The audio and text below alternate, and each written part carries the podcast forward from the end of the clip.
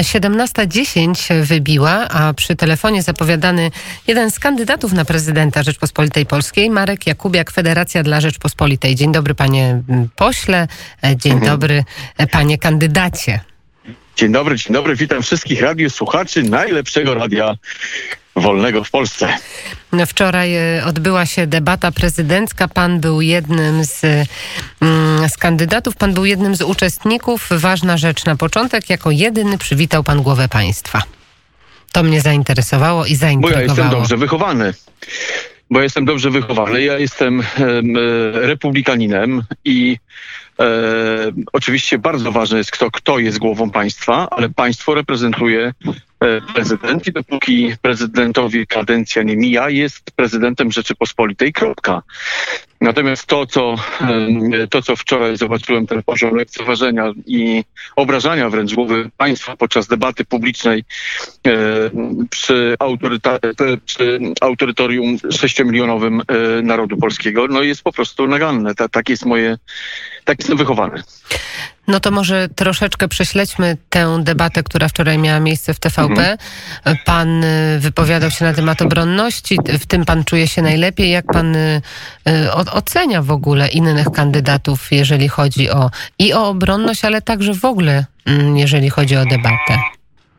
E, czy w obronności najlepiej się czuje? No dobrze się czuję, tak? Natomiast, e, natomiast taka debata powoduje, że jednak ja spokojnie nie mogę stać i zaczyna mi się e, e, gotować głowa, jak słyszę taki stek bzdur. E, e, e, ja, człowiek prostolinijny, ja jestem z, zwykłym Polakiem, normalnym człowiekiem e, i na pytania odpowiadam. No już mnie irytuje sam fakt, że tak naprawdę podczas tej debaty może trzy osoby odpowiadały czasami na, na, na pytania wprost.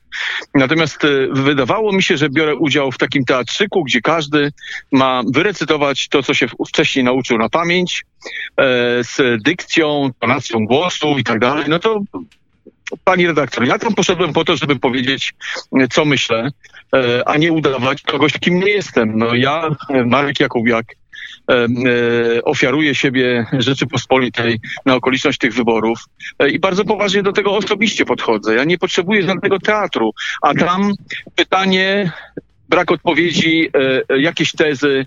E, po, prawdę powiedziawszy, akurat jeżeli moje wystąpienie chodzi, to od połowy, mm, e, od połowy tej debaty e, już byłem w stanie rozdrgania, bo już bym porządek zaczął robić e, i dyscyplinować całe to towarzystwo. Pan redaktor wytrzymywał to e, bardzo mocno. Natomiast ja bym chciał po prostu, jeżeli się już spotykamy, jeżeli rozmawiamy na temat wyboru e, pierwszej osoby Rzeczypospolitej, to ja bym chciał, żeby przychodzili na debatę ludzie, którzy na pytanie odpowiadają e, a nie konfabulują. I, e, I prawdę mówiąc, ja się czuję w każdej z tych dziedzin dobrze, natomiast przez 60 sekund jest ciężko wyartykułować, tym bardziej, że tak jak mówię, no, emocje czasami biorą górę i, i człowiek jest wybijany z rytmu odpowiedzi. Pan wczoraj brał udział w debacie, będąc przekonanym, że wybory najprawdopodobniej odbędą się 10 maja. Pan jest kandydatem, pan mhm. startuje w wyborach. Wie tak. pan, kiedy będą te wybory? Ktoś panu powiedział? Nie.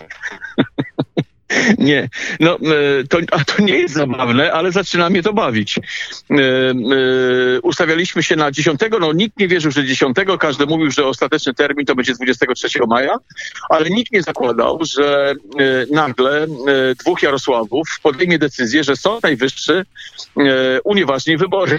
No, po prostu ja, ja bym w najśmielszych nawet, że tak powiem, koncepcjach czegoś podobnego nie wymyślił. No. A jednak tak się stało? Prawo i Sprawiedliwość oraz Porozumienie Jarosława Gowina przygotowały takie mm, rozwiązanie, że na pewno 10 maja wyborów nie będzie, a Sąd Najwyższy ma stwierdzić nieważność wyborów no tak. właśnie 10 Ale maja. Czy sąd, czy, sąd, czy Sąd Najwyższy, tak jak ja podobnie, jest o tym poinformowany? Bo to, bo to też jest ważne, prawda? Czy sąd wie, jak ma podjąć decyzję? Bo ja już wiem, że 10 nie wezmę udziału w wyborach.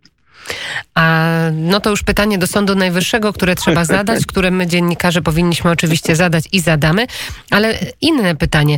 Wiemy, że mówimy cały czas o wyborach korespondencyjnych. Pan uważa, tak. że te wybory korespondencyjne to jest dobre rozwiązanie, konieczne, bo politycy Platformy z kolei upierają się i sukcesywnie mówią o tym, że powinny być wybory mieszane i stacjonarne, i korespondencyjne.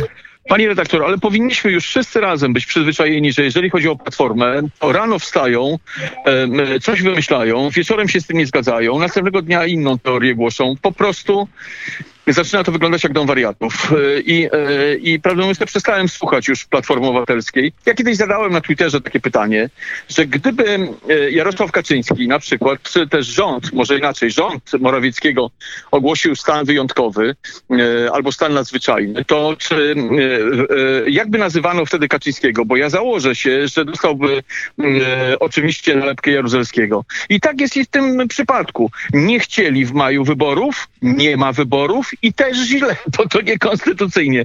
Po prostu e, e, sami podkreślę to jeszcze raz, sami, Platforma Obywatelska, Nowoczesna e, e, no i tam satelity różne, e, sami powodują, że ze śmiechem o nich myślę i to samo robią ich wyborcy. I to jest najlepszy dowód to jest spadek sondaży Kidawy Błońskiej. Mm, panie pośle, czy podpisy, które pan zebrał, będą ważne? Ma pan taką informację, że nie będzie pan musiał ponownie zbierać podpisów pod y, swoją kandydaturą? Szczerze mówiąc, ja bym nawet chciał zbierać jeszcze raz podpisy, żeby udowodnić, że potrafię. E, natomiast z tego co wiem, e, uchodzi to jako prawo nabyte i e, to prawo nabyte ma być respektowane. Czy tak będzie, zobaczymy, bo dzisiaj jedno, co wiadomo, to to, że nic nie wiadomo. Mm, to ciężko zadawać pytanie, że jeżeli polityk, który startuje w wyborach e, prezydenckich, no.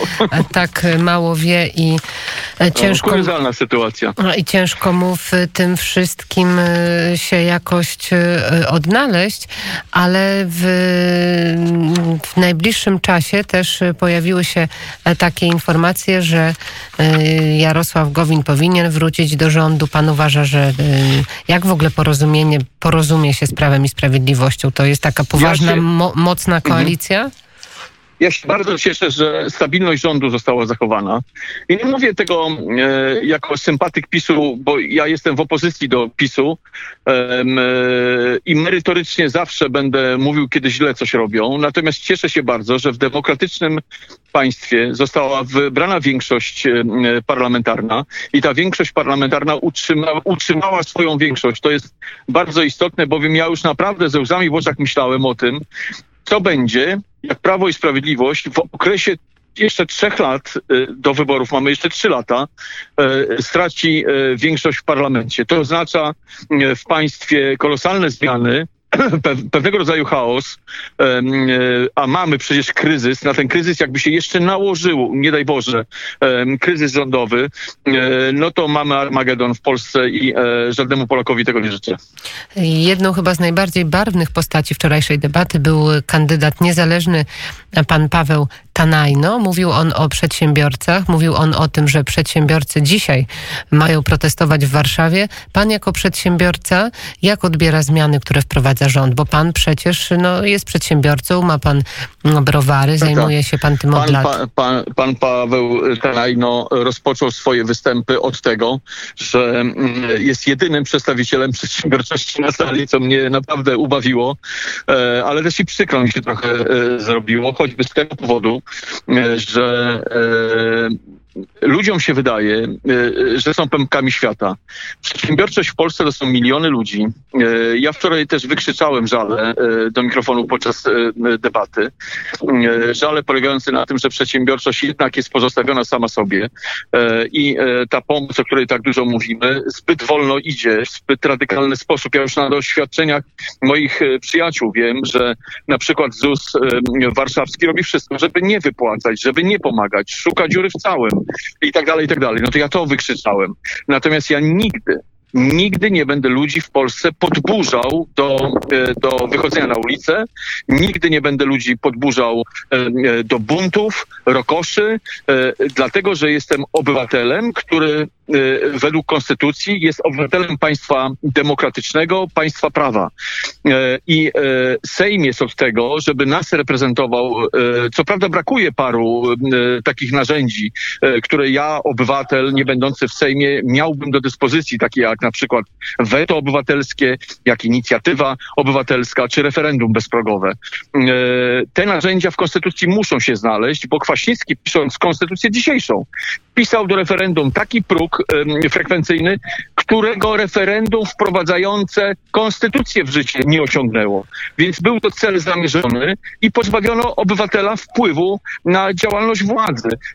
Chcę tylko powiedzieć, że to dla nas obywateli jest najważniejszy element w ogóle życia demokratycznego. Wpływ na władzę. A jak wygląda Pana działalność?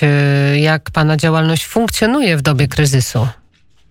E, mówimy o mojej działalności gospodarczej. Tak. E, no tak. Panie redaktor, przestawiłem swoją produkcję, nastawiając się na pomoc e, w sprawie koronawirusa. Wstrzymałem część produkcji e, ważenia piwa e, i przeszedłem na spirytus. I proszę wyobrazić sobie, że zajęło mi to cztery dni. Inwestycje, nie będę mówił jakie, ale dość poważne inwestycje.